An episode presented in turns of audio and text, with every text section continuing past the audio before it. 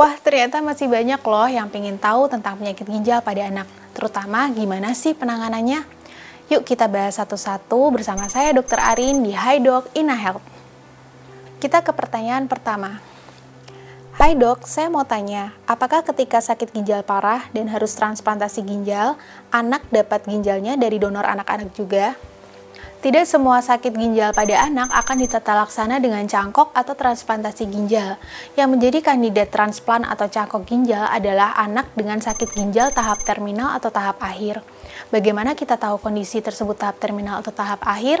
Biasanya fungsi ginjal sudah sangat turun. Silakan dikonsultasikan dengan dokter anaknya masing-masing. Kemudian, pendonor ginjal apakah boleh dari anak-anak juga? Berdasarkan peraturan dan konsensus dari Perhimpunan Dokter Spesialis Ginjal di Indonesia, yang berhak menjadi donor untuk cangkok ginjal adalah mereka yang usianya lebih dari 18 tahun.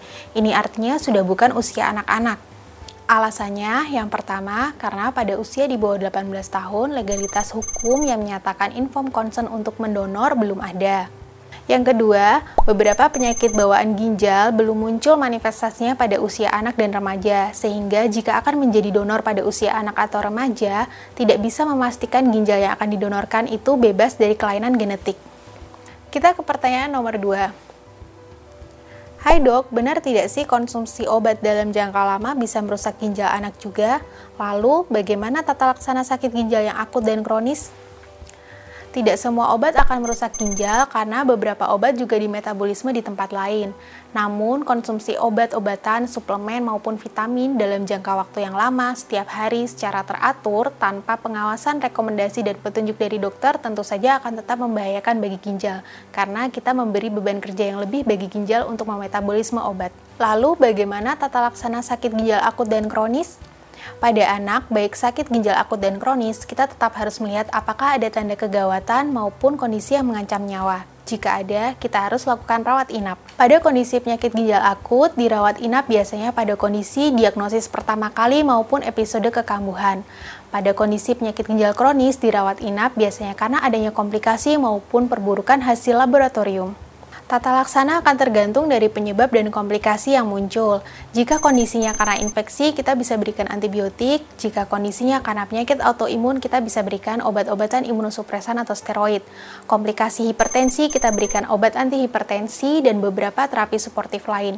Dan pada kondisi yang berat, sampai bisa dilakukan cuci darah atau hemodialisis. Kita ke pertanyaan nomor 3. Hai dok, apakah ada tips agar kita sebagai orang tua bisa menjaga kesehatan ginjal anak dan dengan cara apa? Kita bisa menjaga kesehatan ginjal anak dengan cara yang pertama, kita harus mengenali tanda dan gejala sakit ginjal pada anak. Kemudian yang kedua, kita harus pantau frekuensi berkemih anak dan edukasikan kepada anak jangan sampai dia menunda berkemih. Yang ketiga, kita harus konsumsi air dalam jumlah yang cukup sesuai usia, berat badan, dan aktivitas fisik hariannya. Kemudian yang ketiga, terapkan pola hidup sehat, olahraga yang teratur, kemudian makanan yang seimbang, kurangi asupan gula, garam, dan makanan cepat saji. Hindari pemberian suplemen jangka panjang tanpa rekomendasi dari dokter.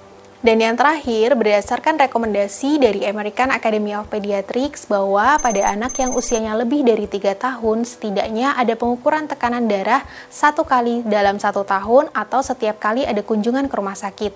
Dan pada anak usia lebih dari lima tahun ada satu kali pengecekan urin atau air kemih secara random. Sudah terjawab semua ya? Tips yang diberikan di akhir tadi semoga bisa bermanfaat dan dapat diaplikasikan untuk kesehatan putra-putri kita. Terima kasih untuk yang sudah bertanya. Sampai ketemu lagi di edisi berikutnya. Saya Dr. Arin pamit. Dah.